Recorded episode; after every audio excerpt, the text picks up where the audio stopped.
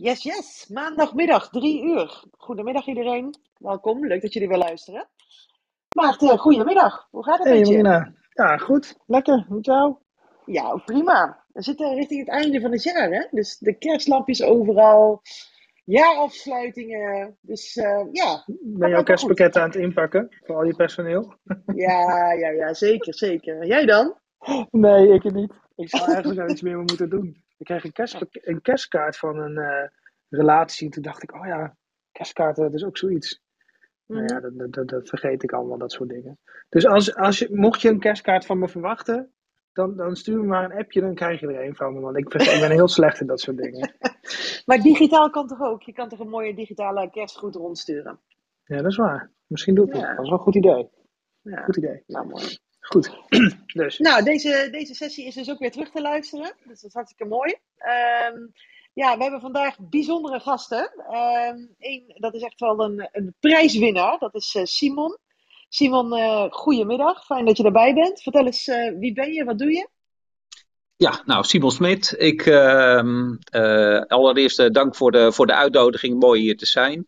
Um, uh, ik uh, ben uh, 58 jaar, woon in een klein dorpje vlakbij Amsterdam. En ik heb 21 jaar, de afgelopen 21 jaar heb ik bij Renault gewerkt, bij Renault Nederland. 10 jaar elektrische auto's. En sinds februari dit jaar ben ik, ben ik begonnen met NL Charge. Samen met Van der Zijs, elektrotechniek en, en, en met met uh, Peter Molengraaf uh, als uh, financier. En we, maken, we brengen ja, bijzondere laadinfra naar de markt. Maar feitelijk niks nieuws. Dat, doen we al, dat deed, deden we al, laten we zeggen, vanuit, vanuit Van der Zijs. maar we geven daar nu meer aandacht aan in, in NL Charge voor de sales en voor de marketing. Dus dat is wat ik doe en daar gaan we het straks over hebben. Dus ik kijk Ja. ernaar uit. Dankjewel. Nou, mooi, dankjewel Simon. En daarnaast hebben we ook iemand die helemaal thuis is in alles rondom fiscaliteit, uh, autobelastingen, maar ook wel nogal breder. En dat is uh, Helene. Helene, goedemiddag. Goedemiddag, Marina.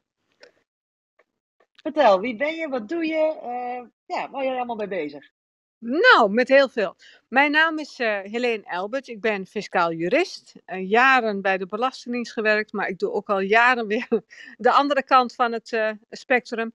Um, ik ben fiscaal jurist. Ik ben gespecialiseerd in uh, autobelastingen en daar kan ik eigenlijk uren over praten, ben ik bang. Ik heb ook twee websites: Elbert Fiscaal voor het normale fiscale nieuws en Auto en Fiscus voor uh, de autobelastingen. Oké. Okay. Je, zegt, je zegt ben ik bang, hè? Maar is dat dan zo saai dan? Of, ik bedoel, uh, nee joh, dat vind ik heel spectaculair. ik vind het helemaal niet saai. Maar ja, ik kan natuurlijk niet voor iedereen spreken. Ja, maar dan zeggen we vanzelf wel van nou, alleen nu wordt het wel een beetje saai. Mm -hmm. Dan, uh, dan druip ik gewoon huilend af. Dan komt nog goed. nou, dat, dat hoeft nog over niet. maar ja, zo richting uh, het, het, einde van het jaar. En als we dan kijken naar, naar volgend jaar. Zijn er dan nog bijzondere veranderingen rondom die autobelastingen? Uh, ja, natuurlijk. En de, de verandert niks zo snel als, uh, als de autobelasting. He, bijvoorbeeld op EV-gebied, kijk, die bijtelling wordt aangepast. Milieuinvestering wordt aangepast, de SEP, de SEBA, al die regelingen worden uiteraard aangepast en het wordt er meestal niet beter op. Dat is mijn korte samenvatting. Dus vertel waarom, maar, wat waarom, wil je weten? Waarom zijn er eigenlijk zoveel regelingen? Ja, omdat ze alles uh, tot uit een treuren willen uh, regelen. En dan moet hier weer een speciale regeling voor en daar weer een speciale regeling voor. En dan beginnen ze met een basisregeling en dan wil die er weer een wijziging op en die. En nou ja, voordat je het weet is het een ondoordringbaar woud aan verschillende regelingen. En daar en verdien ik mijn geld mee. En is dat dan een beetje zeg maar, het gevolg van de Nederlandse polder? Moet ik het zo een beetje zien? Ja, dat denk ik wel. Dat is niet alleen bij de autobelasting trouwens, maar dat is bij alle belastingen. He, dus ik geef ook altijd garantie tot, uh, tot en met vandaag en hoe het morgen zit, geen idee. Dat is altijd een verrassing. Ja, want de grootste constante is eigenlijk de verandering steeds. De grootste constante is de verandering. En de grootste constante is natuurlijk ook dat een auto een, een, een melkkoe is. En uh, dat daar ook uh, heel veel voor geregeld moet worden. En als de ene autobelasting omlaag gaat, gaat die andere omhoog.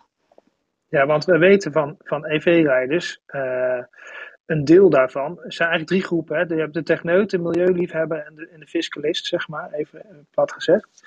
En die laatste groep, of eigenlijk de boekhouder moet ik eigenlijk zeggen, ja, die, die rijdt gewoon elektrisch, gewoon puur omdat het voordeliger is. En omdat, ja, omdat er minder een melkkoe, zeg maar, uh, hè, dan rij je minder in een melkkoe.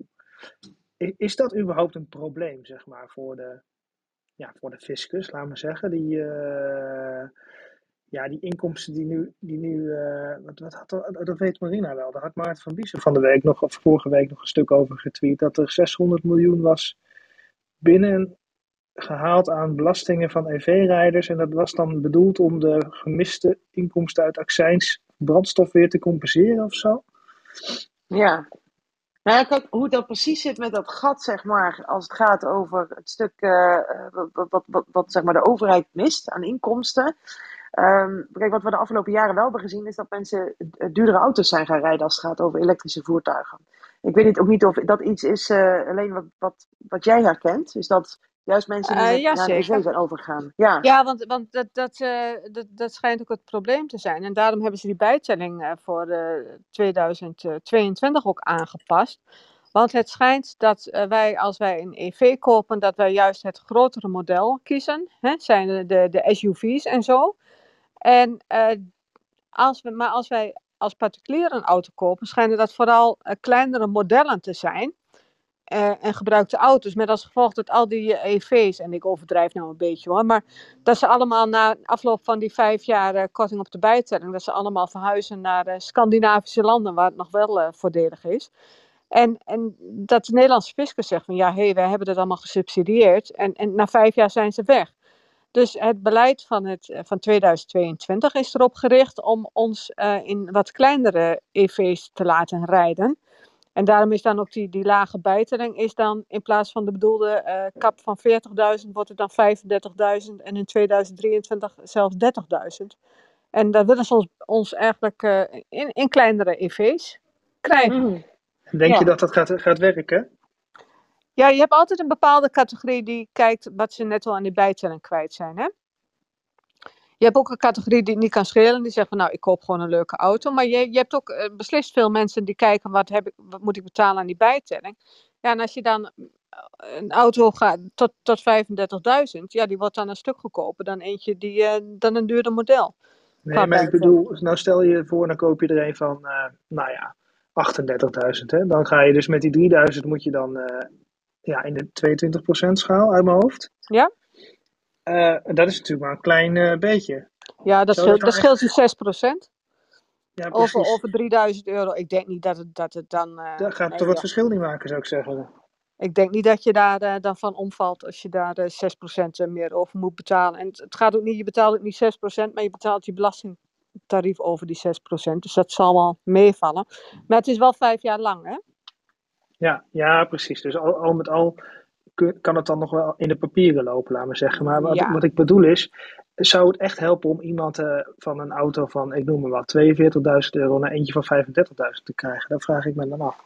Ik denk dat er altijd mensen zijn bij wie dat werkt. En er is ook altijd een deel, kijk, auto's zijn toch emoties. En die denken van, joh, nou ja, oké, okay, ben ik er wel wat meer aan kwijt, het zij zo. Ja, ja. ja, en dan komen we weer terug eigenlijk op die eerste stelling van je, over die melkkoe natuurlijk, hè?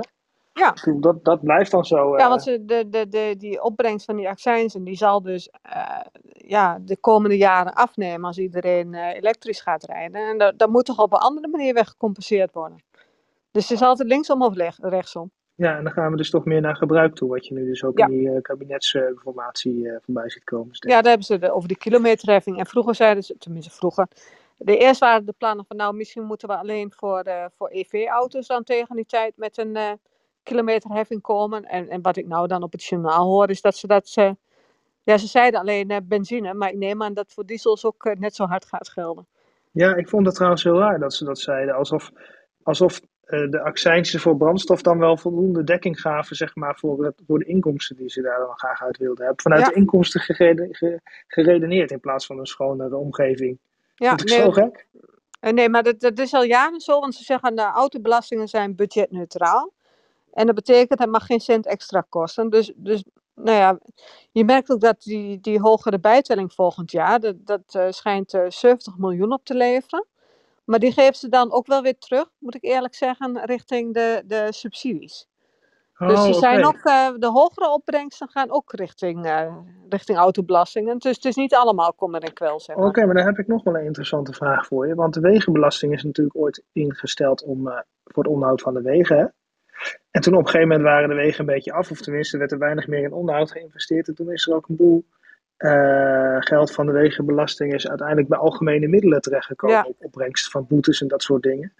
Maar is dat dan nog steeds zo? Of is het nog steeds het credo van het moet neutraal zijn? Officieel moet het nog steeds eh, neutraal zijn. Dus wat ze er in de praktijk mee doen, dat, eh, dat weet ik natuurlijk niet. En sommige wegen denk je van nou, hier mag ook nog wel eens wat motorrijtuigenbelasting bij. Maar in het, nee, in het algemeen zou dat toch neutraal moeten zijn. Ja, precies. Maar even over die wegenbelasting, want dat wordt wel een ding, denk ik. Ehm, ik vind het wel heel mooi eh, eh, dat, eh, dat elektrische voertuigen nu wegenbelasting eh, vrijstelling hebben. Ehm, maar hoe dan straks? Hoe, hoe gaat dat eruit zien, eh Leen? Want die, die elektrische auto is natuurlijk wel een, eh, een stuk zwaarder dan een conventioneel voertuig. Ja, nee, je hebt in ieder geval nog volgens de huidige plannen tot en met 2024 een vrijstelling. En daarna krijg je een kwarttarief, dus het wordt steeds ietsje meer. Alleen wat ze wel doen, kijk, voor personenauto's zit het natuurlijk op gewicht. En, en je krijgt dan een kilokorting. Hè, dat wil zeggen van, nou ja, je moet niet je gewone ehm, ehm, eh, gewicht eh, rekenen. Maar dan gaat er een paar kilo af voor het gewicht van die accu. Mhm. Dus dan word je wel dat, eh, gecompenseerd. Denk je dat eh, Ne- Nederland te snel aan het afbouwen is gegaan voor, hè, voor de, voor, de, voor de maatregelen om EV te stimuleren? Nou ja, ze, ze- draaien het nou wel eh, terug en daar hebben ze natuurlijk ook wel aangekondigd. En ik ben benieuwd hoe ze dat dan in de toekomst eh, gaan eh, voorzien. Ik, ik kan mij niet voorstellen dat ze denken van we hebben er al genoeg. Alleen ze, ze gaan ook andere manieren ehm, bedenken buiten de belastingen om. Je zou eens moeten kijken, en ik weet niet of die doorgaat, hè, maar dat is een wetsvoorstel. En dat komt helemaal niet van, van financiën, maar van infrastructuur. En de beoogde ingangsdatum is 1 januari aanstaande, maar waarschijnlijk wordt dat, eh, of het gaat niet door of het wordt later. Maar dan moet je als werkgever moet je bij gaan houden wat de CO2-uitstoot van jouw eh, werknemers is. Eh, en dan niet van die werknemers zelf uiteraard, maar van het, van het wagenpark. dus ze proberen het gewoon op een andere manier te doen. Dat zou ook een Ja. slecht uitkomen. Ja, Oké. Eh, ja, dat zal dan wel niet meteen op 1 januari eh, doorgaan. Maar eh, dat, dat, dat zou dan nog wel een gunstig effect daarop kunnen hebben. Althans op de op elektrificatie. de het wagenpark elektrificatie wel. ik. Denk op de gemoedsrust van die werkgevers niet. Nee, nee, precies. Nou ja, de werkgevers spelen natuurlijk ook een cruciale rol. Dat gesprek hebben wij, met, hebben wij ook vaak van in de laadinfrastructuur. Hè, daar hebben wij vaak discussie over van op straat en thuis. En wat nou als je thuis niet kan laden en zo. En ook daar kan de werkgever een hele belangrijke rol eh, spelen. Dus die, die, die zal zich toch wat meer in het maatschappelijke debat moeten, ja, moeten mengen dan, zeg maar, als het gaat over. eh, Nou, ze hebben het fiscaal en, eh, vriendelijk, hebben ze het wel goed geregeld hoor. Want als je, als je een auto van de zaak hebt, ja, dan, dan mag die werkgever gewoon voor jou eh, zo'n laadpaal aan huis laten zetten als hij dat wil. Dat is volkomen belastingvrij. Ja, hij moet hem dan wel zelf betalen, daar niet van. Maar het is wel belastingvrij voor die werknemer. Dus dat, dat is goed geregeld. Ja, ja, dat is wel perfect eigenlijk. Hè?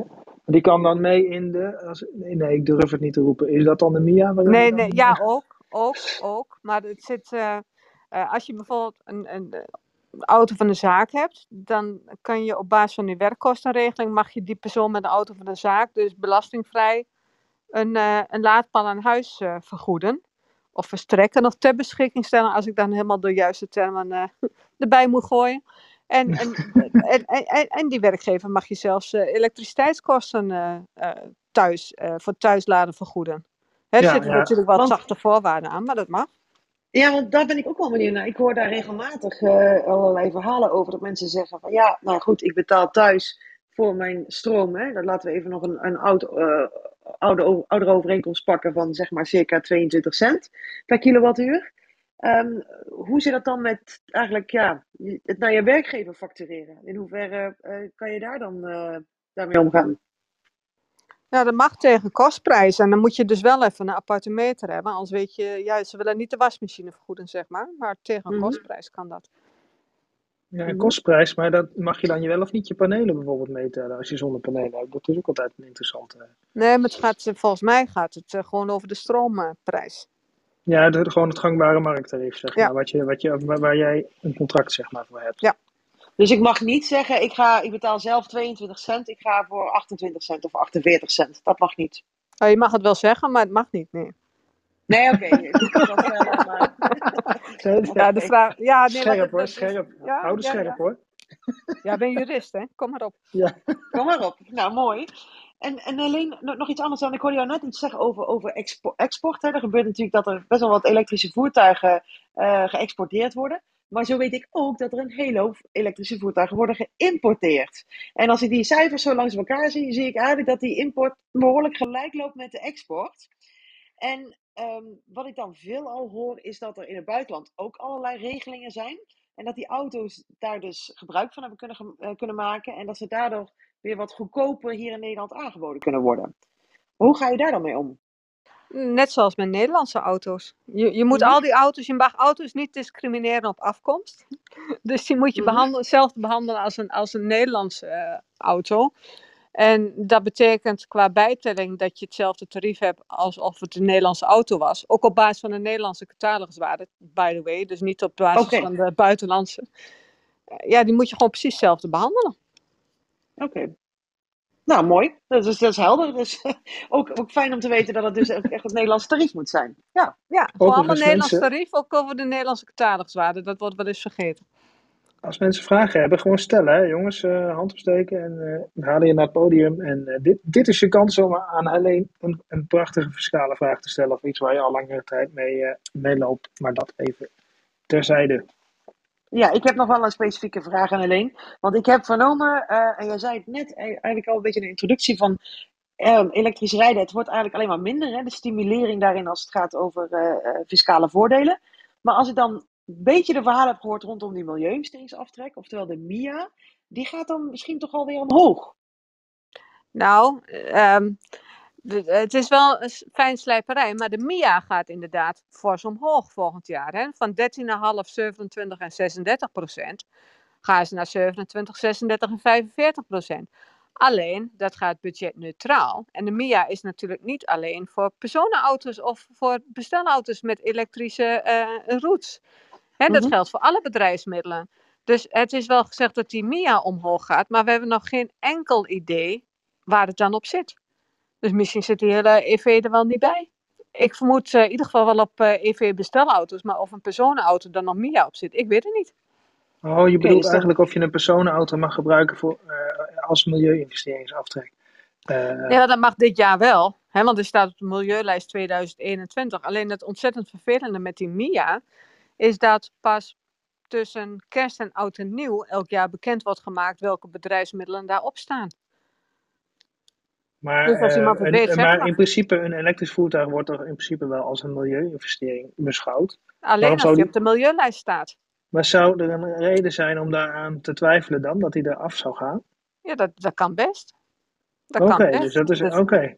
ja? Maar dan wordt het helemaal ingewikkeld, Helene. Ik vind het nu al ingewikkeld met al die regelingen die er zijn. Hè? Dus eh, een, een SEBA, een SEP, een, nou, ik wil, ik wil er niet alle regelingen opnoemen, maar dan wordt het helemaal moeilijk. Want als je dan op die MIA moet inzoomen, dan heb je dus nu voor personenauto's een 13,5% milieuinvesteringsaftrek. Voor waterstofauto's is het weer anders. En dan zou het maar zo kunnen betekenen dat het volgend jaar misschien wel voor bedrijfsauto's een bepaald percentage gaat gelden. En dan voor personenauto's weer niet. En voor waterstofauto's weer wel. Jeetje, dat, dat wordt toch alleen maar onnodig ingewikkeld zo? Ja, dat, eh, dat houdt mij aan het werk. Dus ik vind het prima.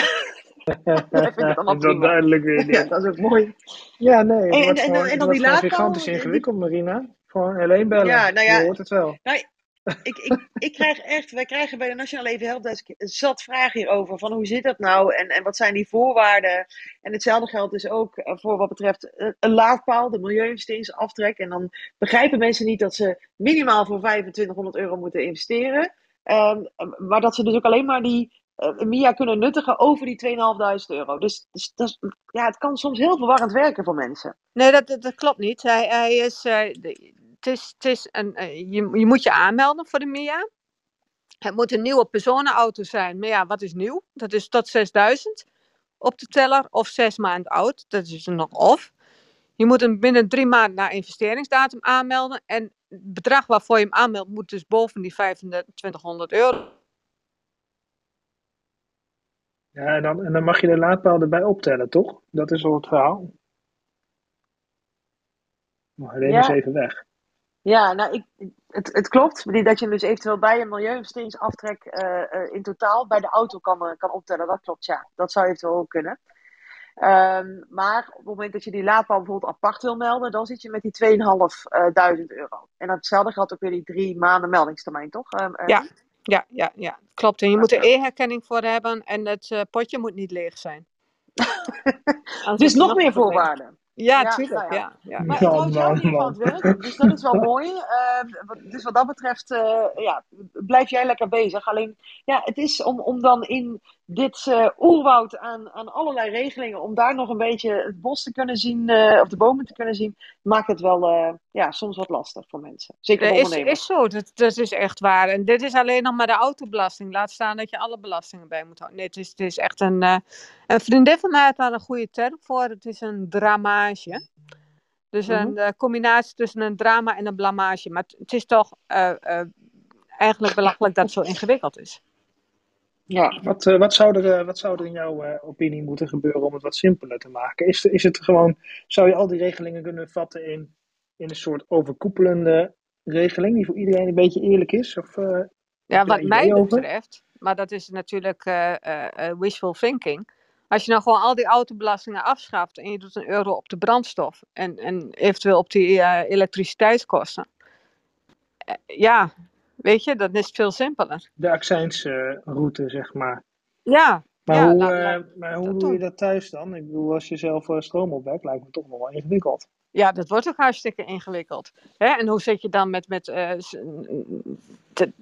de, ook, ook met, de, met de originele brandstof? Hoe zit je dan aan de grens? Kijk, daarom zeg ik, het is hartstikke simpel om, om iets te bedenken, maar voer het maar eens uit. Ja, nou, dat, dat kwartje is wel goed gelukt. Ja, dat kwartje zit er nog steeds. Maar dat, eh, nee, nee, het is, het is gewoon, eh, het het is gewoon buitengewoon lastig. Ja, oké. Nou, ik zag dat, eh, Simon, jij wilde er nog even op reageren, zag ik. Ja, ik, ik had nog een vraag aan Helene. Want volgens mij, eh, eh, kijk, als, eh, als je eh laadinfra wat meer kost dan 2.500 euro, dan kun je dat gewoon ook apart eh, opvoeren, toch, eh Helene, of niet? Je kunt toch ook gewoon voor, eh, voor 10.000 euro laadinfra, laten we zeggen, een eh, MIA-aanvraag doen, of niet? Nou, kijk, het antwoord op elke fiscale vraag is dat is afhankelijk van de omstandigheden. Eh, dus daar kom, je, kom ik heel ver mee. Maar, nee, nee, maar als, je, als je die apart koopt, natuurlijk kan dat. Ja, precies. Dus, En als eh, je dus tegelijkertijd koopt, dan is het weer afhankelijk van feiten en omstandigheden. ja, natuurlijk, dat is het altijd. Je moet ook nog een beetje winst maken, anders kan je niks aftrekken. Maar, eh, Maar, maar, dat, maar dat, eh, daar hebben we dat weten, dat, dat is ook een beetje altijd het gevaar van praten over subsidies. Dat je, komt, je moet eigenlijk altijd weer verwijzen naar de, de, ja, de eigen fiscalist of eh, eh, adviseur. Om te kijken of dat het wel van toepassing is voor een bedrijf. Eh, zo moeilijk is het wel. Ja, Dat klopt is, helemaal. En ja. je kunt ook heel veel informatie vinden op eh, rvo.nl, Rijksdienst voor Ondernemen Nederland. En die kun je Ja, zelfs precies. mailen en dan krijg je zelfs een antwoord. Oh, oh, dat is ook. eh, ja, nou, ik vind dat ze. ik heb natuurlijk goede ervaringen met RVO, dus eh, ik ben het helemaal met je eens. Ze zijn eh, zeer coöperatief. We kunnen er veel meer mee. Maar die zijn daar ook voor. Hè? Jullie doen echt heel verbaasd van, ja, dan krijg je een antwoord. Maar dat, dat is toch ook hun doel, toch? Of niet? Absoluut. Nee, dit, dit- ze doen, de mensen zijn echt eh, eh, zeer. eh, ze zijn echt op zoek naar hoe ze ons kunnen helpen. En ze zijn er ook voor de ondernemers. Dus ik heb dat gewoon heel, als heel positief eh, ervaren. eh. en, ehm, en, en ja, je moet gewoon inderdaad de vraag stellen. Ja. Nou, oké, helder Simon. Eh goede vraag ook aan Alleen. Zo heb, ik, zo heb ik ook nog een vraag aan eh, als we het hebben over eh, de, de SEP, hè? Wij krijgen nu echt dagelijks eh, mailtjes van mensen. Wanneer kan ik de SEP aanvragen? En eh, vanaf wanneer geldt die? En dat is voor een hele hoop mensen toch nog niet echt helemaal helder hoe dat nou eh, precies werkt. En de SEP is de subsidie voor elektrische personenauto's. Hoe, wat zijn daar de voorwaarden van? Eh 3 januari aanstaande om 9 uur 's ochtends. Kun je weer aanvragen. Ehm, nee, want je, je moet dan als particulier een eh, personenauto kopen. Eh, uit mijn hoofd gezegd moet die dan, de, de, de nieuwprijs moet dan tussen de 12 en de 45.000 euro zijn. Je mag hem voor een nieuwe auto aanvragen en dan moet je hem melden bij rvo.nl, dan heb je hem weer. En dan is het volgend jaar, dacht ik, het bedrag 3350 euro. En voor een gebruikte auto is het 2000 euro, net als dit jaar. Je moet ze tijdig aanvragen bij rvo.nl en uh, het potje moet niet leeg zijn. En je mag ook die, die auto mag niet eerder van jezelf zijn geweest. Dus je hebt ook wel eens mensen die kopen dan van hun eigen BV. Dat gaat ook niet goed. Je moet hem echt bij de RDW-erkende dealer uh, uh, aanvragen. En, en nogmaals, wat ik zei, het potje moet niet leeg zijn. Nou gaat een, ik dacht een 60 miljoen van die verhoging van die bijtelling, die opbrengst, die gaat dan naar het potje SEP. Dus ik hoop dat het dit jaar wat langer duurt voor het potje leeg is. Ik geloof het eerste jaar was het binnen twee werkdagen leeg. Ik dacht dit jaar binnen acht werkdagen. Dus ik zou zeggen, ga om 9 uur s ochtends op 3 januari uh, meteen klaar liggen. En dan heb je in ieder geval nog een kans. Mag dat ook voor auto's die je, die je zeg maar nu tweedehands aanschaft? Uh, nou, ik, ik, uh, ik weet die eisen uh, ze zijn nog wel eens streng, dus volgens mij heb je dan gewoon nu pech. Want het potje van nu is leeg. Maar kijk op rvo.nl. ja, ja nou, misschien is daar wel een belangrijke toevoeging, want dat hebben we bij RVO al helemaal uitgezocht, Helene. Is dat als jij vandaag een elektrische auto koopt, dan ga je vandaag je aankoopverplichting aan en komt die niet in aanmerking voor de SEP. Dus zou je eigenlijk gewoon even moeten wachten tot de showrooms uh, weer open zijn. Uh, of uh, bij, de occasion dealer of bij de nieuwe merkdealer. Um, dat je daar dan pas vanaf 2 januari, eigenlijk 1 januari is het, maar goed, ik weet niet of de dealers open zijn op 1 januari. Maar dat je vanaf dan geldende uh, koopovereenkomst die je ondertekent, dan pas in aanmerking komt voor de SEP-regeling. Dus niet voor een auto die je nu koopt. Dus dat is wel echt een hele belangrijke. Klopt, helemaal. Want met het allereerste jaar in 2020 deden ze daar nog wel makkelijk over. Maar het is nou helemaal dicht, uh, dichtgedraaid, die kraan. Yes. Ja, dus dat is niet meer mogelijk. Mooi. Nou, oké. Dus uh, nou, uh, misschien een Mia die vooruit gaat. Maar misschien ook wel helemaal niet voor personenauto's. Dus uh, voor bedrijfswagens zijn er in ieder geval genoeg regelingen volgend jaar. En ook wat losse, losse subsidies alleen, toch? Ja, je kunt, je kunt ook bij je gemeente kijken. Volgens mij is dat op de website ikrijelektrisch.nl. Maar ik ben nooit zo goed in het onthouden van die websites. Maar je kunt ook vaak kun je lokaal ook nog een subsidie ontvangen. Oké, ja, misschien is daar de, de website Nederland Elektrisch wel een goede voor. Uh, want de website van Nederland Elektrisch, uh, en die, die wordt echt uh, door flinke groep en verschillende partijen, waaronder andere ook INW en RVO, onderhouden. Daar vind je al die lokale regelingen terug. Dus bijvoorbeeld de lokale slooppremie die wellicht van toepassing is en dergelijke. wat wel een hele belangrijke is, en volgens mij heb je dat wel goed begrepen Helene, is dat mensen op het moment dat zij lokale subsidies krijgen, dat ze dat wel af moeten trekken van eventuele fiscale voordelen. Klopt dat? Ja, om het makkelijk te maken. Zoals bijvoorbeeld als je die uh, uh, lokale subsidies ontvangt en je vraagt een milieu-investeringsaftrek aan. En, en stel je hebt een auto van 40.000 en je krijgt, uh, weet ik veel wat, 1000 euro lokale subsidie, dan mag je maar milieu-investeringsaftrek aanvragen over 39.000. Dus je moet echt al die regelingen bij elkaar en onderling verband moet je bekijken. Het is een net dat is ook wel logisch, toch? Ja, het is ook hartstikke logisch, maar je moet maar net weten. Ja, ja, dat is het met al die regelen. Je moet maar net weten. En dan kom ik wel nog even bij een vraag voordat ik zo naar Stefan ga, waar die ook een vraag wil stellen. Alleen, hoe, hoe ga je er nou voor zorgen dat je als boekhouder, en wat, jij kan niet voor iedereen uh, in heel Nederland de boekhouding en, en alle fiscale regelingen regelen. Maar, maar hoe moet een gemiddelde boekhouder of gemiddelde fiscalist dit allemaal bijhouden? Hoe, hoe, hoe kan dat? Nou, wat je hebt natuurlijk als, uh, als fiscalist heb je uh, per dag uh, drie mailtjes met allemaal nieuws. En elke week een stuk of vijf tijdschriften. En als je dat bijhoudt, is het geen enkel probleem. Oké, okay, veel lezen dus. Is en anders, is... ik geef cursussen. Alleen, ik ken wel wat mensen in de boekhoudingwereld, hè, maar die lezen allemaal die dikke almanakken en zo. Lees jij die ook?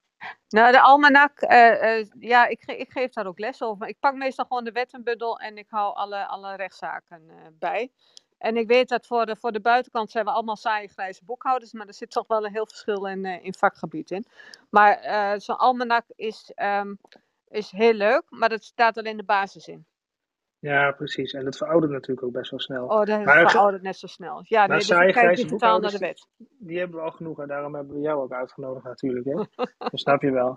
Ah, kijk, uh, dank u, dank u. nou, mooi. Hey, Stefan uh, is naar boven gekomen. Uh, Stefan, goedemiddag. jij hebt een vraag, kom maar door. Ja, goedemiddag. Hey. Ehm, het ging nog even over die CEPA. Um, volgens mij was het zo dat je de verplichting nog niet aan mag gaan, maar dat je hem eerst had moeten aanvragen. Maar wat je wel zou kunnen doen, is je het een soort van uh, voorbehoud doet bij de aankoop. Dat, uh, dat je de auto koopt onder voorbehoud dat je die SEPA-vergoeding krijgt. Ja, dat klopt. Nee, we hadden het net over de SEP, dat is voor particulieren. De SEPP, om het makkelijk te maken. En je hebt ook nog de ZEBA. De ZEBA is voor uh, bestelauto's, zeg maar. Bedrijfsauto's type N1 en N2. En die moet je dus inderdaad eerst aanvragen voordat je die auto koopt. En dat kun je dus praktisch oplossen door in het koopcontract op te nemen dat die koop ontbonden wordt op het moment dat je geen SEBA krijgt. Of dat je zegt van nou de koop is pas definitief. Dus dat, uh, dat is uh, voor het dus dat is alleen bij de SEBA zo, niet bij de dat SEP? Dus, bij de SEP is het weer anders. Nee, waarom zouden ze ja, okay. dan verschillende regelingen dezelfde voorwaarden doen? Dan is het te makkelijk. Nee, dat zou te makkelijk zijn. Dat ben ik niet. Ja, dat, ja, ja, ja dat gaat niet. Dat, dat, was ons al duidelijk geworden. Ja, ja. Oké, okay, het zou te makkelijk zijn. Nou ja, mooi. Oké, okay, nou ja, uh, we Goeie moeten bij jou zijn uh, als het gaat, uh, Helene. Uh, Stefan, dankjewel voor je vraag. we moeten dus bij jou zijn om in ieder geval een beetje overzicht te kunnen krijgen van alle regelingen. En als we specifieke vragen hebben, dan moeten we dus ook bij jou. Van harte welkom. Mooi. Nou, komt goed. We gaan iedereen doorsturen natuurlijk. Komt helemaal ja. goed. Nu. Wel Helene. nou, mooi. Ik, ik, ga even door naar Simon. Simon, Um, jij vertelde net iets over NL Charge. Nou, nou heb ik uh, NL Charge ook voorbij zien komen bij een wedstrijd die was uitge, uitgezet op eigenlijk een, een, stuk rondom een prijs te kunnen winnen vanuit INW, de Infrastructuur en Waterstaat, ministerie. Ik ben even benieuwd, hoe, hoe is dat gegaan, Simon? Nou, ja, goede vraag, Marina. Ik, ehm, kijk, wij, zijn, uh, wij, uh, wij, wij, bieden, laten we zeggen, bijzondere laadinfra, maar dat kwam met de uitvraag van RVO eigenlijk heel erg goed samen. je moet zo zien, in, bijvoorbeeld in de stad Amsterdam hebben ze speciale, dat, dat, zal je ook interesseren voor als vereniging van elektrische rijders, moeten de mensen die in Amsterdam uiteindelijk elektrisch moeten gaan rijden, omdat het stadscentrum dichtgaat, voor, op den duur voor, wordt het alleen maar toegankelijk voor elektrisch rijden, in ieder geval meer en meer. En uh, dan, ja, dan is het ook belangrijk dat zo'n stad, zo'n grote stad, voldoende laadinfra aanbiedt aan de gebruikers en aan de ondernemers in de stad. Nou, en wat we nu zien is door de netcongestie, landelijk is er al een probleem, laten we zeggen. Het begint een beetje krap te worden, hoeveel netcapaciteit er is om nieuwe laadinfra aan te leggen, onder andere. En, um, en, en de gemeente Amsterdam ja, is onlangs geconfronteerd met, met de mededeling dat er niet voldoende capaciteit meer is. Dus er is sprake van netcongestie. Nou, en dan kan, kan er eigenlijk niet meer, niet op een makkelijke manier, meer snelladers worden bijgeplaatst in de stad. Nou, en alleen deze AC-laders, laten we zeggen, overnight laden, aan de gewone laadpaal. Dat, uh, dat kunnen ze ook niet garanderen voor alle mensen in Amsterdam. Dus de stad Amsterdam zat eigenlijk zonder. Nou, en toen uh, heb ik uh, aangegeven dat wij, dat, ja, dat wij een combinatie van AC en DC kunnen, kunnen leveren op een 3 keer 80 ampère aansluiting. dat is een kleine aansluiting die nog net wel gaat. En daar was Amsterdam erg blij mee. En twee tellen later kwam, kwam de uitvraag van RVO. En was er een, een challenge voor elektrisch versnellen. En daar heb ik deze oplossing feitelijk gepitcht. en ja, dat heeft geleid tot het, dat we winnaar zijn geworden. Dus dat is, dat is, dat is wel, wel heel mooi. En het is dus, de oplossing bieden we echt voor, ja, voor alle steden, in alle gemeenten in Nederland. Dus ja, het is eigenlijk bij deze een uh, er hoeft nog maar één ding te gebeuren. Dat is dat de gemeente de uitvraag niet meer op apart AC doet of apart DC, maar dat ze een combinatie uitvragen van AC en DC. En dan komen ze automatisch bij onze spullen terecht die de oplossing kunnen bieden. En dat hoeft niet overal te zijn, maar wel op de plekken waar, ja, waar gewoon veel laadinfra moet komen en waar je een combinatie, uh, ja, waar dat heel logisch is. En dan moet je bijvoorbeeld denken aan, eh, aan gebruikers. Uh, overnight uh, kunnen alle mensen die daar gewoon wonen, gewoon overnight laden. En dan is de combinatie gemaakt met een DC-lader op een lader losstrook. En op die lader losstrook kun je dan gewoon DC laden met weliswaar met 50 kilowatt. Maar ja, dat is natuurlijk dan in ieder geval beschikbaar. En dat kun je ook dicht bij de mensen brengen, dicht in de wijk. Dus als je dan s'avonds thuis komt en nou, ik kom regelmatig s'avonds thuis en dan denk ik van waar is mijn plekje aan de laadpaal? Ja, dan heb ik, ja, en als je dan morgens weer naar Rotterdam toe moet, dan denk je van, ja, nou, dat, nou, dan red ik dat of red ik dat niet. Hè? Moet ik dan naar de vaarsnet of niet? Ja, en dan kun je in je eigen wijk met zo'n oplossing gewoon toch nog eventjes snel laden. Nou, hoe mooi is dat? Ja. Maar ehm, Simon, ik heb ook begrepen dat er best wel veel oude bekabeling en zo ligt, in, uh, in, net zoals in bepaalde gebieden in Amsterdam. Dus ja, precies. Dat, dat, dat is ook een, ja, dat is, dat, dus je zit eigenlijk met twee dingen. Je hebt uh, te maken met, uh, met capaciteit. Hè? Dus hoeveel stroom kan er naar, uh, naar, naar zo'n stad toe? Hè? Of het nou Amsterdam is, of Enschede, of Utrecht of Den Haag. Dat maakt niet uit. dus daar heb je mee te maken. Hoeveel capaciteit is er nog om uit te geven vanuit de netbeheerder? En het tweede ding is, ja, wat is de fysieke beperking van de koper die in de straat ligt? Nou, dat, maar, maar beide uitdagingen zijn er. En beide uitdagingen moeten worden aangepakt. Ja, en in die tussentijd kun je dus eigenlijk met elk, elk draadje koper wat je nog in de straat hebt liggen, kun je beter optimaliseren. Dus uh, hoe, hoe, beter je dat kunt gebruiken, hoe beter het is. Voor iedereen. Hè? Voor zowel voor de, de exploitant als voor de, voor de gebruiker. Volgens mij, iedereen begrijpt dat wel. Hè? Jij, zei, jij zei net van 3 keer 80 ampère, dat kan vaak nog wel. Ja. De, de kleinste grootverbruikaansluiting, zeg maar. Ehm, nee, het is een klein, klein verbruikaansluiting is het dan oh. Sorry, een klein verbruikaansluiting. Uh, als je, maar als er congestie is, dan zou je toch zeggen dat ook die aansluitingen niet meer mogelijk zijn? Ik snap niet waarom dat dan nog wel kan. Ja, dat heeft, dat heeft te maken met uh, wat Marina net aangaf. Het ligt, het ligt eraan hoeveel koper er in de staat ligt. Dus op een gegeven moment zit je op, een, op die, die grootverbruikaansluitingen. Die zijn feitelijk uh, te beperkt. Dus daar, laten we zeggen, is, raakt het op. En het, de, uh, de kleinaansluitingen, die, die, daar zit nog wat ruimte. Dus dat heeft men nog, nog wel beschikbaar. Dus het is, er is echt ook nog, er zijn soms fysieke scheidingen, of er zijn soms scheidingen, laten we zeggen, van wat ze nog wel kunnen, kunnen uitgeven. Ja, en dat doet de netbeheerder. En dat is best wel een, een spel wat, wat nu heel precair wordt. Want nou ja, de, de, de CTO van Alliander, die heeft wel gezegd, uh, die uitspraak heeft hij al gedaan. Ja, soms uh, zullen er keuzes moeten worden gemaakt. Wat, wie wel en wie geen stroom krijgt. Nou, en als jij dan in Amsterdam je bedrijf hebt. zwart voor de netbeheerder. ja, ja het, is, het is gewoon. we, we zitten voor een een elektrische infarct eh, als we het niet uh, slim oplossen. Maar er is ruimte genoeg en we kunnen het echt wel aan. Vaccineren. Maar dan moeten we. We blijven vaccineren, Simon. Ja, ja, ja, ja, ja. Ja, precies. Een beetje meer invoer, maar dat is ook al lastig, want een, want een injectie, laten we zeggen, is in elektrische kringen een, uh, bijvoorbeeld een zonnepark of een windmolen. En dat, ja, die, maar die vraagt ook capaciteit van het netwerk. Dus het is eigenlijk, laten we zeggen, best wel heel bijzonder wat er nu gebeurt. En als je als leek, als je daar naar kijkt, dan, dan, dan snap je het toch echt niet. Nou, en wij vinden uh, dat, we, ja, dat, we, uh, dat we ook nog wel zien dat de boel een beetje uh, verkokerd is. Hè. Dus de, de oplossingen, de netbeheerder denkt: oké, ik doe er alles aan om de energie te brengen. Ja? Maar op een gegeven moment, als ze het dan gaan uitgeven, ja, dan wordt het maar uh, uitgegeven aan de eerste, de beste die zijn hand op, uh, opsteekt. Dat is first come, first served. En ja, dan wordt het toch, dan, dan, dan, dan komen we nu naar een langzamerhand naar een situatie waarin het misschien wenselijk is om te zeggen, nou, wat ga je er precies mee doen? Nou, dan komen we eigenlijk op een ander punt uit, uh, waar ik uh, nog wel wat van wil zeggen. Hebben bijvoorbeeld, met name, nou, als we nou toch een beetje over auto's praten, hebben we ook autodealers. En die steken hun hand op en die zeggen, nou, doe mij maar een snellader, 150 kilowatt, die zet ik netjes achter het hek.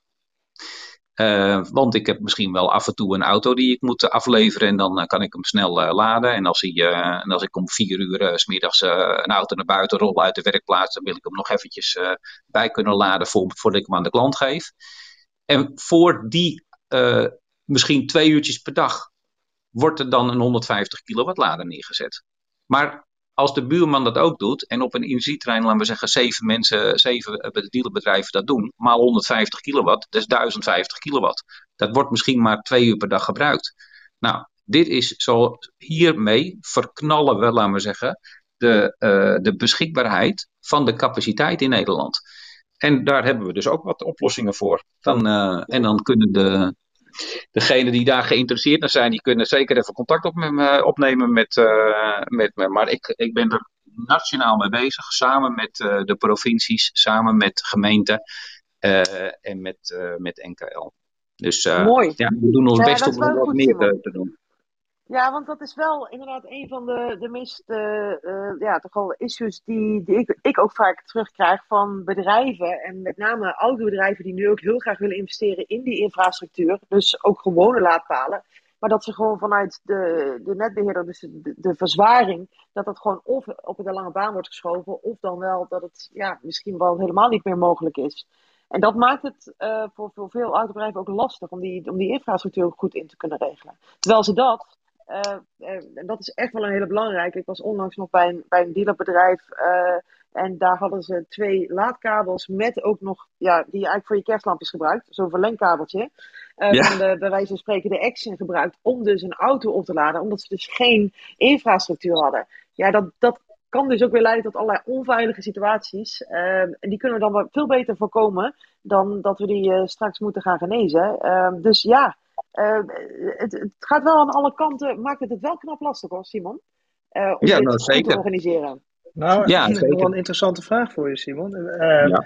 De netbeheerders spelen een cruciale rol in dit uh, probleem. Hè. Zij zijn in principe verantwoordelijk voor het, ja, voor het stabiel houden van het net en de capaciteitsuitbreiding van hetzelfde net. En dan krijgen ze, als ik het me goed herinner, ook, ook genoeg belastingcentjes voor om, dat, om die taak te doen. Ehm er was van de week was een issue op het NOS-journaal, een dingetje, dat ging dan over zonnepanelen die dan uitgeschakeld werden. Bij te veel terugleveringen, dan zag je, een, uh, dan zag je iemand beteuterd kijken van ja, dan gaan mijn zonnepanelen alweer uit en dan kan ik weer niks uh, terugleveren en dan, dan ze ook niks op en zo.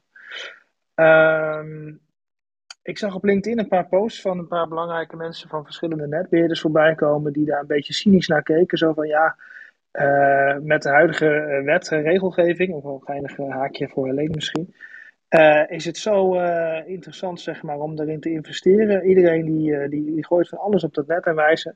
En wij moeten het allemaal oplossen, maar niemand wil betalen voor die oplossing. Ik, toen ik dat las, dacht ik echt van ja, is dit nou een schreeuw voor subsidie of zo? Of voor, de, voor de nationale overheid dat er nog meer geld in geïnvesteerd moet worden in die, in die netbeheerders? hoe ehm, hoe kijk jij daar tegenaan, zeg maar? Zijn het krokodillentranen van de netbeheerders of zijn ze gewoon veel te laat met de omschakeling naar uh, elektrisch vervoer? Hebben ze dat gewoon veel te laat uh, aanzien komen? Of niet aanzien Nou, dat vind ik wel, uh, vind ik wel een goede vraag, Maarten. En, en um, kijk, net, kijk, afgelopen week had ik een, had ik een bijeenkomst en dat ging over smart energy, congestie en oplossingen. En dan heb ik ook een medespreker naast me en een tafelgenoot, laten we zeggen, voor de lunch, uh, uh, Edwin Edelenbos van uh, Netbeheer Nederland. Ja, en dan praten we ook over deze zaken. Dus het is, we gaan niet, we gaan, we gaan niet, laten geen blaming en shaming. Maar wat wel een feit is, is dat de elektrificatie gaat eigenlijk nu aardig, hè, komt aardig goed op gang. We zien nu al dat we problemen hebben met, uh, met eigenlijk de, de versnelling die nu plaatsvindt. Nou, die zal, uh, die zal voor trucks alleen nog maar uh, veel harder gaan, omdat het wat grotere vermogens zijn die worden gevraagd. En, en daar, laten we zeggen, gaat echt wel wat gebeuren. dus ze kunnen het eigenlijk niet meer bijhouden. En, dus ik denk niet dat het, daarbij komt dat een netbeheerder eigenlijk ook een beetje ja, gewend is om jarenlang een net te, te, bedienen dat stabiel was, goed was, perfect en betaalbaar. Ja, dat hebben we in Nederland echt goed voor elkaar. Maar nu die groei, die is, dat is echt een uitdaging. En ja, dan moeten we elkaar vinden. Nou, en wat eigenlijk de oplossing is, dat, dat, wat jij eigenlijk zegt, jouw vraag is van ja, zijn het dan krokodillentranen? Vragen ze om meer geld? Ja, dat, dat doen ze. Ja. zijn, zijn, ze daardoor niet, uh, niet snel uh, om, om, om te anticiperen? Nou, ik vind dat ze wel wat sneller kunnen. Um, kunnen ze, maar wat, wat ze ook hebben, en dat is, dat is eigenlijk, laten we zeggen, waar ik me ook nu voor inzet en waar ik heel veel energie van krijg, Dat is om de mensen in beweging te brengen, om ze weer bij elkaar te brengen, om de, de netbeheerder en de opwek aan de netbeheerderskant, laten we zeggen, dus die dicht tegen de netbeheerder aanzitten, om die ook te koppelen aan de zonleveranciers en dan te zeggen van oké, hoe kunnen we de, de, ehm, de opgewekte energie die eigenlijk niet terug het net in kan, toch uh, zo snel mogelijk en zo flexibel mogelijk consumeren. Ja, zodat, we, zodat we eigenlijk uh, ja, meer flexibiliteit krijgen. Beetje netstretching, dat gaf Edwin Edelenborst van Netbeheer ook aan. Hè, dat, dat was een kreet die hij introduceerde. Netstretching. Maar dat kan ook, laten we zeggen, met, met opwek. Je kunt dus best wel de opwek combineren met zoveel mogelijk gelijktijdig gebruik. Nou, en soms horen daar uh, misschien uh, zonnepanelen bij, uh, batterijen en, en laadinfra. Maar als je dat wil doen, dan moet je wel daar een heel slim uh, systeem van maken. En dan moet je een systeem hebben dat kan communiceren, dat real-time uh, werkt. Ja, en daar, uh, daar komt eigenlijk een klein beetje onze rol bij kijken. En ik, mag, ik ben in de gelukkige omstandigheid dat ik, dat ik zie dat de mensen absoluut in beweging komen en zoeken naar oplossingen. En ik denk dat wij, dat wij daaraan kunnen bijdragen door middel van die techniek. Ja, ja. daar wat, nou ja. daar wat mee te doen. Ja maar dat is wel, wel heel goed hoor, Simon. Want ik denk ook dat we dit echt wel nodig gaan hebben in de toekomst. En, en vergeet ook niet, hè, we hebben het nu toevallig alleen over, over elektrisch rijden. Maar mensen willen een warmtepomp, mensen koken elektrisch. Mensen hebben tegenwoordig veel meer apparatuur. Sommigen hebben zelfs een jacuzzi in de tuin staan. Uh, uh, sauna's, noem het maar op. Dus er wordt ook gewoon veel meer tegelijkertijd verbruikt dan dat we vroeger deden. Dat zie je natuurlijk ook aan die aansluitingen. En daarbij komt, wat ik heel sterk merk, en dat is wel op dit moment een van de bijna meest gestelde vragen ook bij de Nationale EV Helpdesk, is: kan ik mijn auto uh, gebruiken om ook mijn huis van stroom te voorzien? En, en ook zeg maar mijn zonnepanelen uh, overdag. Uh, daarmee bijvoorbeeld mijn auto opladen om vervolgens dan s'avonds mijn wasmachine te, te, te, laten draaien. Nou, allemaal, allemaal technieken die natuurlijk allemaal best wel in ontwikkeling zijn en ook in, in pilot worden, worden uitgevoerd op dit moment. Maar is dat iets waarvan jij denkt van nou, dit, dat gaat echt, dat, zo gaan we thuis straks voor degene die de eigen parkeerplaats hebben dan uh, laden? Ja, ik denk dat, uh, dat, ja, ik ben ervan overtuigd dat de auto uh, in combinatie met je huis een, een, een, een, een energiesysteem gaan, gaan, gaan bijdragen, laten we zeggen, aan het energiesysteem van morgen. Um, er zijn heel veel mensen die zeggen: ja, het is er nog niet, dus uh, ja, daar kun je nog geen rekening mee houden. En daar moet je, daar moet je niet op, uh, op anticiperen. Ik vind dat, dat, ik vind dat je dat wel moet doen. Ik vind uh, dat je moet zorgen voor een goede elektrische installatie thuis. Als je uh, ik woon in een huis van 1910. Nou, we hebben problemen met uh, als ik uh, zonnepanelen op het dak leg, dan denk ik dat mijn dak instort. Dus ja, dat doen we dan maar niet. Dus, dus ik, ga, ik, ik zeg tegen de kinderen vanmorgen nog, ik zeg, uh, doe je best, zoek een plek uit. We, bouwen er, we pakken een stuk land, we bouwen een nieuw huis. En we zorgen dat we energie-neutraal zijn. Nou, dat is feitelijk ook wat, uh, wat, wat, wat een beetje de. Uh, dus we, bouwen Nederland doet voor, voor heel Nederland. Dat we zoveel mogelijk, laten we zeggen, energie-neutraal gaan. Maar het is allemaal nog gebonden aan regeltjes en waar het wel gaat en waar het niet gaat. Nou, en terwijl als je de. Als je Kennen we dat ervan, Simon? Regeltjes. Ja, regeltjes word je gek van, joh. Dat, uh, nou ja. dus, uh, dus, dus kijk, dus wat, waar je naartoe moet, is een, een uh, ja, veel meer een interactief energiesysteem dat, dat robuuster is, waarbij je, laten we zeggen, de overschotten makkelijker kan delen met de buren. En nu is alles gekaderd. Maar ja. uh, het gaat, het, het, je moet het in ieder geval, daar waar je het zelf kan, moet je het zelf goed organiseren. En daar waar je het, laten we zeggen, in een buurt kan doen of op een industrietrein. Hè, dat, is, dat is ook een van mijn aandachtsgebieden, is dat we, uh, dat we kijken dat we een heel industrietrein of een hele regio kunnen ontsluiten. Dat we uh, nieuwe uh, systemen veel integraler gaan opzetten, zodat je kan zien waar je wat over hebt en waar je wat tekort hebt. Nou, als je dan, dan moet je dat natuurlijk goed kunnen organiseren. Nou, wij, wij doen dan AC en DC in één energiemanagement systeem goed combineren, zodat we, dat, dat we daar ook efficiënter zijn. Maar we kunnen ook die, die, die real-time, die data delen. En kijken hoe het zit met de opwek en met de stroomvoorziening. En die variabelen kunnen we heel goed managen zonder dat die auto van slag raakt. Want vergeet niet, een auto moet je niet frustreren met uh, het dimmen en ongeacht, laten we zeggen, hoe die auto zich voelt. dus je moet, die auto moet je wel te vriend, te vriend houden. Dus je moet ook zorgen voor goede laadinfra. Ja, dat is een hele belangrijke, zonder dat hij daarvoor in storing gaat. Maar goed, ja. nou heb ik nog wel een, een leuke. Ik stel nou, ik, uh, ik, ik heb volgend jaar een auto, en er zijn al enkele auto's voor geschikt, hè, maar stel nou, ik heb volgend jaar een, een auto die bidirectioneel kan laden, zoals we dat dan mooi nemen. Dus die kan ik laden en ontladen. En dan ga ik naar mijn, naar mijn werk en daar laat ik lekker mijn auto vol. En dan kom ik s'avonds thuis en dan denk ik, nou, mijn huis moet natuurlijk voorzien worden van stroom. Dus bijvoorbeeld mijn wasmachine lekker laten draaien, of de oven, of de, de frituurpan, of mijn sauna, of whatever wat je maar wil verzinnen. Dus je huis wordt dan in dat geval voorzien van stroom uit de batterij. En de volgende dag ja. doe ik eigenlijk weer hetzelfde bij mijn werkgever. Uh, dat, dat, is wel denk ik ook wel een, een specifieke vraag. Hoe, hoe, ga je daar uh, belastingtechnisch mee om? Misschien weet Helene dat wel. Ja, dan officieel geef je dat natuurlijk op. Hè? Dan zeg je van, nou ja, weet je wat, beste werkgever, ik heb zoveel kilowattuur van jou ontvangen en dit betaal ik natuurlijk terug. Mm -hmm. Natuurlijk. Oké. Okay. Ja. ja. Nee, maar dat is dan niet te controleren, toch? Maar, nee, maar dat doet dus niemand ja. natuurlijk. Nee, nee. Of, officieel ben je dan um, um, omzetbelastingtechnisch ben je bezig als ondernemer, want je bent dan van jouw auto ben je energie aan het leveren aan jouw privé. Nou ja, weet je, uh, ik, ik denk dat dit, uh, ik zou dit niet al te hard zeggen waar de belasting niet bij is. maar uh, nee, nee joh, dat is een drama. Iemand bij de Belastingdienst heeft slapeloze nacht hiervan, denk ik. Ik, uh, ik, ik, denk het wel. Of nou ja, weet je, ik ben jaren belastinginspecteur geweest. En dan zeg je gewoon van, nou, we heffen. En laat jij maar zien dat het niet klopt. Nee, maar dat is wel, nee, maar dat is wel leuk. Hè? ja. jij, bent belasting, jij bent belastingadviseur geweest. Ik heb 140 laadpassen.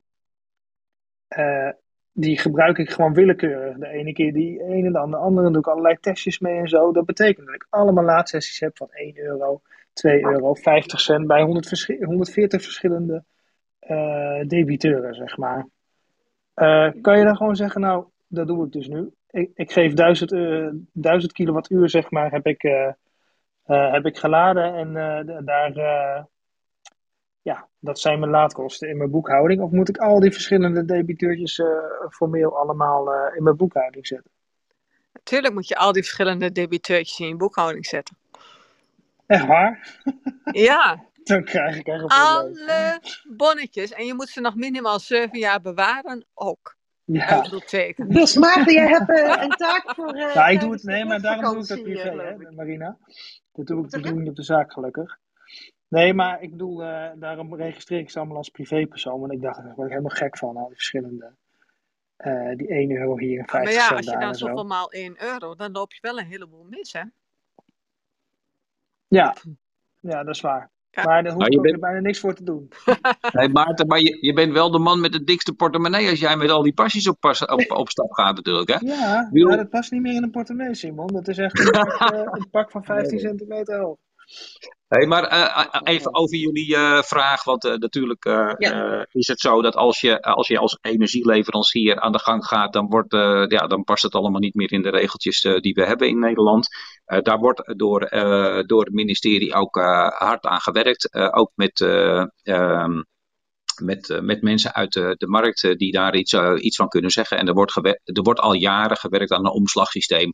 En dat heeft één te maken met omslag van, van, van, van ja, naar elektrisch. want ja, hoe gaan we nou toch in hemelsnaam die, die accijns, laten we zeggen, compenseren als we straks meer elektrisch gaan rijden? Um, dat is één. En twee is dan ook... Met schone lucht, Simon, de accijns ja, compenseren. Ja.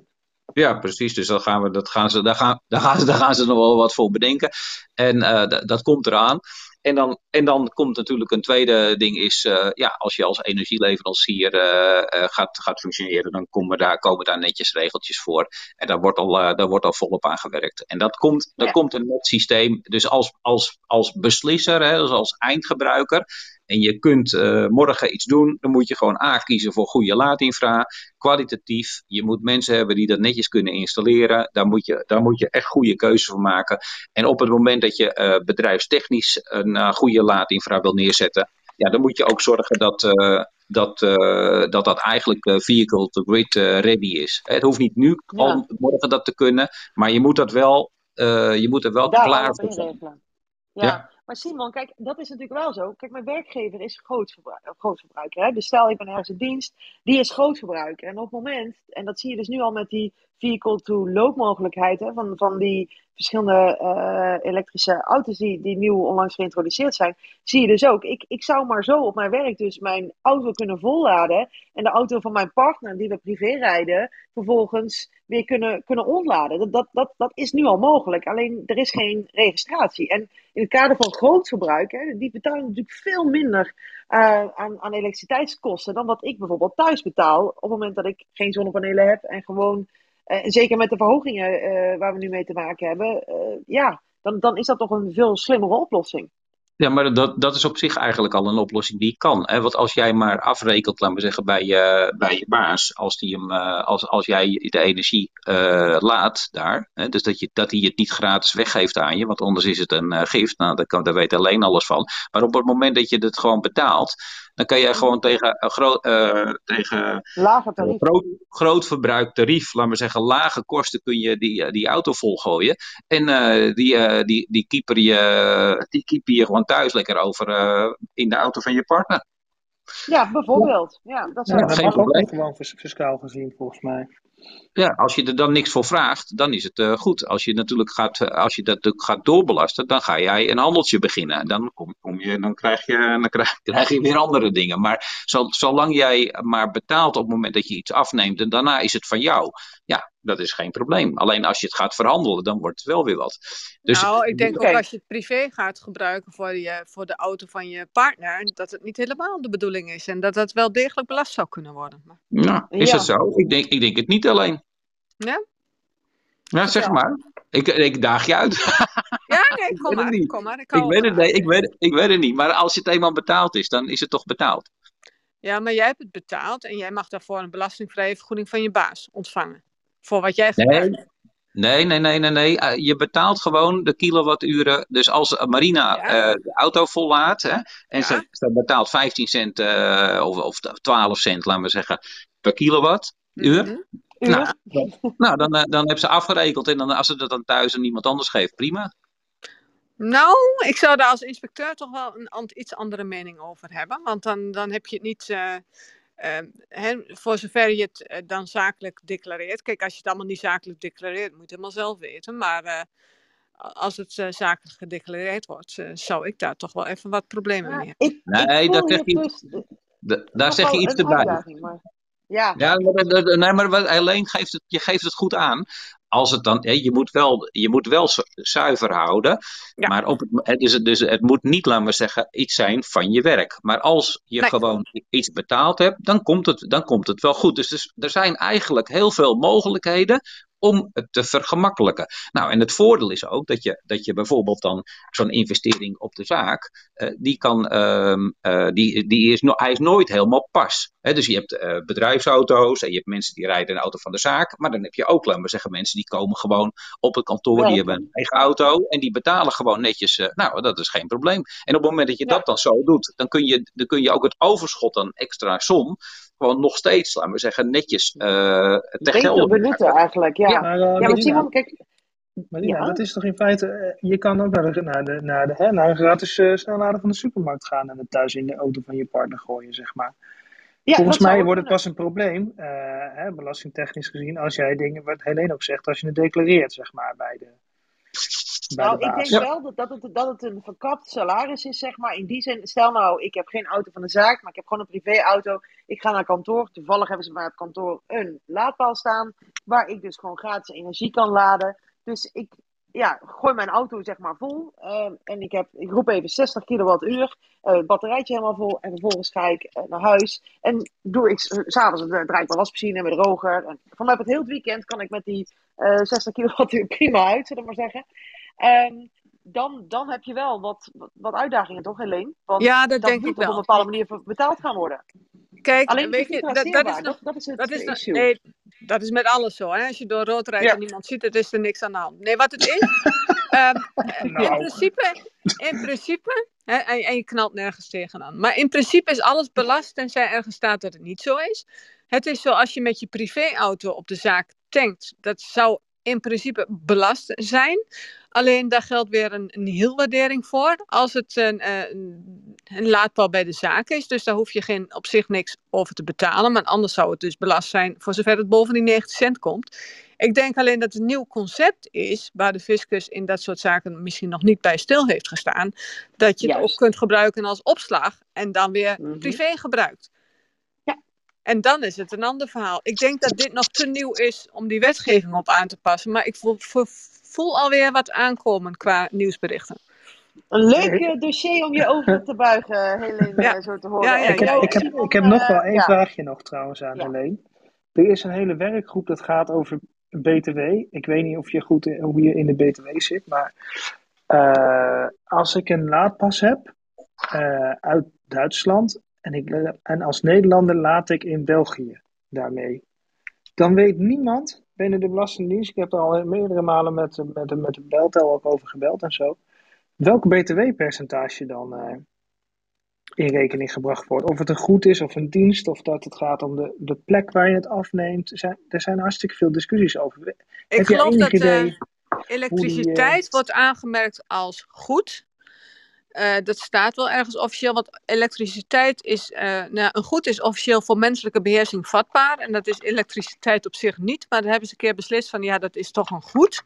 En dan moet je kijken van, nou, wie is dan die, diegene die dat afneemt? Is dat dan iemand, een ondernemer, of doet hij dat als particulier? Dus er zit nog weer 80 andere eh, verhalen achter natuurlijk. Want als je als buitenlands, en is het in het buitenland een bedrijf, want als een buitenlands bedrijf levert aan een Nederlands ondernemer, mag het met 0%. Als een buitenlands bedrijf een goed levert aan een Nederlandse particulier, is het weer, als het tot maximaal 10.000 binnen Europa zit, het buitenlandse tarief. En, en, eh, nou ja, weet je, dat, daar zit Maar- nog, maar dat daar kunnen we is- een hele show is- over starten. Ja, want dat is dus interessant natuurlijk. Hè? Ja. Want je hebt zeg maar de partij die je laadpas verstrekt, die stuurt jou ook een factuur. Maar die levert je dus niet de energie, dat is weer een andere partij. Ja, ja. En eh, ja, wie is dan de verstrekker? Wie, is dan, eh, ja, wie moet jou dan de, dat BTW en welk percentage in rekening brengen? Ik heb dat gewoon dat voor briljante antwoord. Het is maar- afhankelijk van feiten en omstandigheden. Ja. Pas Het consultancy overal. antwoord is dat toch? Als, als ze thuis vragen wat wil je eten, dan zeg je ook het is afhankelijk van feiten en omstandigheden. Dat raak je vanaf nu nooit meer kwijt. Hè, wat zou er gezellig zijn bij jou thuis aan elke avond van feiten en omstandigheden? gezellig. Ja. Wij hebben een eh, dictatuur bij mij thuis. Ik beslis. Klaar. Maar mag je man ook niet beslissen of die dan zeg maar eh, afwast of afdroogt? Nou, die, die vrijheid gun ik nog wel. Ja, zo ben ik dan Oh, ook. oh, gelukkig, net zoveel, net zoveel ik. Hey, eh, ehm, Frits, ik, jij steekt je hand op, dus ik heb eh, op invite to eh, speak gedrukt om jou op het podium te vragen. Maar je komt steeds niet op het podium. Oh, nu is hij zelfs helemaal weg. Nou, misschien komt Nou, hij zo wel terug. Nou, we gaan in ieder geval eh, richting afronding, want we zijn alweer lekker een, een uurtje aan het, aan het babbelen, moet ik zeggen. Een zeer interessant onderwerp eh, we hebben in ieder geval benaderd. En wat, wat ik altijd even doe, is eh, eh, eh, in ieder geval even een rondje van, is er nog iets wat je de luisteraars mee wil geven, wat je nog wil, eh, wil doorgeven? Dus ik ben even benieuwd, Simon, is er nog iets wat je, wat je mensen wil meegeven? Nou, ik zou in ieder, geval, in ieder geval willen zeggen, we hebben een goede oplossing. ehm getuige ook die, de, het winnen van de challenge voor elektrisch rijden versnellen. En alle gemeenten in Nederland die AC en DC in de combinatie willen neerzetten, daar eh, nodig ik ze van harte uit om, eh, om even aan de bel te trekken en, eh, en eh, te vragen eh, hoe ze dat goed kunnen, kunnen, kunnen inluiden in de volgende uitvraag die ze doen voor, eh, voor eh, late infra. En voor bedrijventerreinen geldt hetzelfde. Als je op een bedrijventerrein iets achter het hek wil zetten, eh, neem even contact op. Want als we het eh, kunnen delen met, eh, met het eh, eh, buiten het hek ook, als semi-publiek, dan eh, is het totaal anders. En daar komt veel bij kijken. Het is een apart verhaal. Maar we zijn met name op zoek naar de mensen die, eh, die daar meer eh, over willen weten. En samen met de gemeente en, en andere instanties een goede oplossing voor, voor kunnen bedenken. En dat is ook interessant. Dus dat. Oké, mooi. Dankjewel Simon. En ja, ook heel goed dat jullie denken in oplossingen. Want dat is ook echt wat we nodig gaan hebben in ieder geval de aankomende jaren om in deze. Ehm Helling, heb jij nog iets, een leuke uitsmijter eh, of iets leuks wat je ons mee wil meegeven? Nou ja, eh, je kunt veel informatie over die subsidies vinden op rvo.nl. veel informatie over hoe het belast is uh, qua loonbelasting, moet je even checken. Uh, Belastingdienst.nl, handboek loonheffingen. Kun je het gratis downloaden. En daar staat van alles en nog wat over hoe iets belast is, inclusief de laadpaal, qua loonbelasting. En verder een algemene tip, als je iets over belastingen leest en je denkt van, hé, hey, dat is helder, dan heb je gewoon niet goed opgelet. Dat kan niet. Geweldig. Oké. Okay. Die vind ik mooi. Nou, dat vind ik wel een hele mooie tip. Uh, dankjewel, Helene. Nou ja, misschien ook nog wel goed. Uh, in het kader van alle mogelijke wijzigingen voor milieuinvesteringsaftrek uh, en dergelijke voor volgend jaar. Welke site moeten we dan in de gaten houden? Autoenfiscus.nl Yes, oké, okay, top. Gaan we daar sowieso heen. Nou, als voor de rest niemand meer vragen heeft, ook niet in het uh, publiek, steek in ieder geval nu nog eventjes je hand op als je nu een vraag hebt. En anders gaan we deze uh, sessie in ieder geval voor nu afsluiten. En ga ik uh, de... Oh, ik zie dat er één vraag is. Um, toch nog. Toch nog op het lesminute. Renal, ja. goedemiddag. Stel goedemiddag allemaal. Uh, ik had een vraagje voor Helene nog, want ik vond het zo'n mooie term, uh, de kilo kortingen. Weet je daar al iets meer van? Uh, nee, ik weet niet hoeveel korting er komt, maar je hebt dat in het verleden ook eerder gehad. Met die, met die plugins heb je dat bijvoorbeeld. Dan trekken ze gewoon een paar kilo van je gewicht af. En je kunt ook heel, uh, tenminste van, van de auto, van de auto, neem me niet ja, jammer. ja, sorry. Maar uh, je kunt ook, uh, als je bij de Belastingdienst heb je ook een rekenmodule, motorrijtuigenbelasting, dan kun je het huidige systeem, daar vul je gewoon in en dan rolt daar een tarief uit. Maar er gaat dus, uh, ja, je krijgt dus gewoon korting op het aantal kilo, kilo's waarvoor die motorrijtuigenbelasting. De accu, want dat is nog niet bekend ja. hoeveel, zeg maar. Want ik rijd natuurlijk elektrisch, dus nee. ik ben heel benieuwd. Nee, maar op het en... ogenblik kunt u nog heerlijk gratis rondrijden. Denk eraan dat ik met mijn oude diesel 500 euro in het kwartaal betaal. Dus dat is best wel... Oh, Helene, ja. je diep, heb nou jij nog ja. een diesel? Een oude diesel? Oh. Ja, zeker. Oh, hadden we dat geweten, oh. zeg. Ja, ja, ja, ja, oh. ja, ja, ja. Dus en, en trouwens, ik vind, verteld, ik vind uh, de kilokorting, Helene, vind ik wel iets voor, uh, voor jouw collega's van Volksgezondheid misschien. Ja, nou ja, misschien dat we daar een deeltje mee kunnen sluiten. Hè? Wel, dan heb je die ook. Nou, mooi, dankjewel Renaldo voor Dank je vraag. En, uh, ja, het is zeker wel iets uh, wat, uh, ja, wat ook echt wel een onderwerp is waar veel vragen binnenkomen. Hoe gaat het er straks uitzien dan hè? in 2025 als we het hebben over het wel betalen van een gedeelte motorrijtuigenbelasting en een gedeelte korting wat je dan nog krijgt. Dus, ehm, maar goed, we gaan het zien. Tegen die tijd hoop ik, Helene, dat we jou nog eens mogen uitnodigen. En, ja, zeker. Ik wil je, Graag. Ik wil je, ja, nou, ik wil je in ieder geval hartelijk bedanken voor, jou, uh, voor jouw komst naar deze uh, sessie toe. En om ons even in ieder geval in jouw wereld mee te laten kijken. En uh, bedankt voor je leuke, je leuke tips. Hetzelfde gaat voor Simon. dank dat je erbij was. Super om te zien dat er hartstikke mooie oplossingen komen voor de toekomst. Waarin we het zo efficiënt mogelijk kunnen gaan laden. Dus beide dank jullie voor jullie komst. En, uh, Maarten... Ja, gefeliciteerd Simon, hè? nog even op de valreep. Ja, nee, dank, dankjewel. de, de check heb ik hier nog naast me staan, die, uh, die 20.000 euro. Dat is echt wel, wel mooi. Maar, uh, en ik zie dat Jeroen ook uh, meeluistert, maar ik vond het echt fantastisch om het mee te maken. En het is, hij heeft ons een prachtig podium gegeven. En dat, dat wordt zeer gewaardeerd. Dat hebben we ook nodig. En nou, ik denk dat we perfect kunnen versnellen. En dat we nog veel kunnen bijdragen aan, de, aan het elektrisch rijden. Dus we hebben het graag gedaan. En bedankt voor de uitnodiging. Helemaal, helemaal goed. Oké. Okay. Nou, iedereen bedankt voor het luisteren. En uh, ik zou zeggen, een fijne middag nog. Tot de volgende keer. Tot de Doei doei.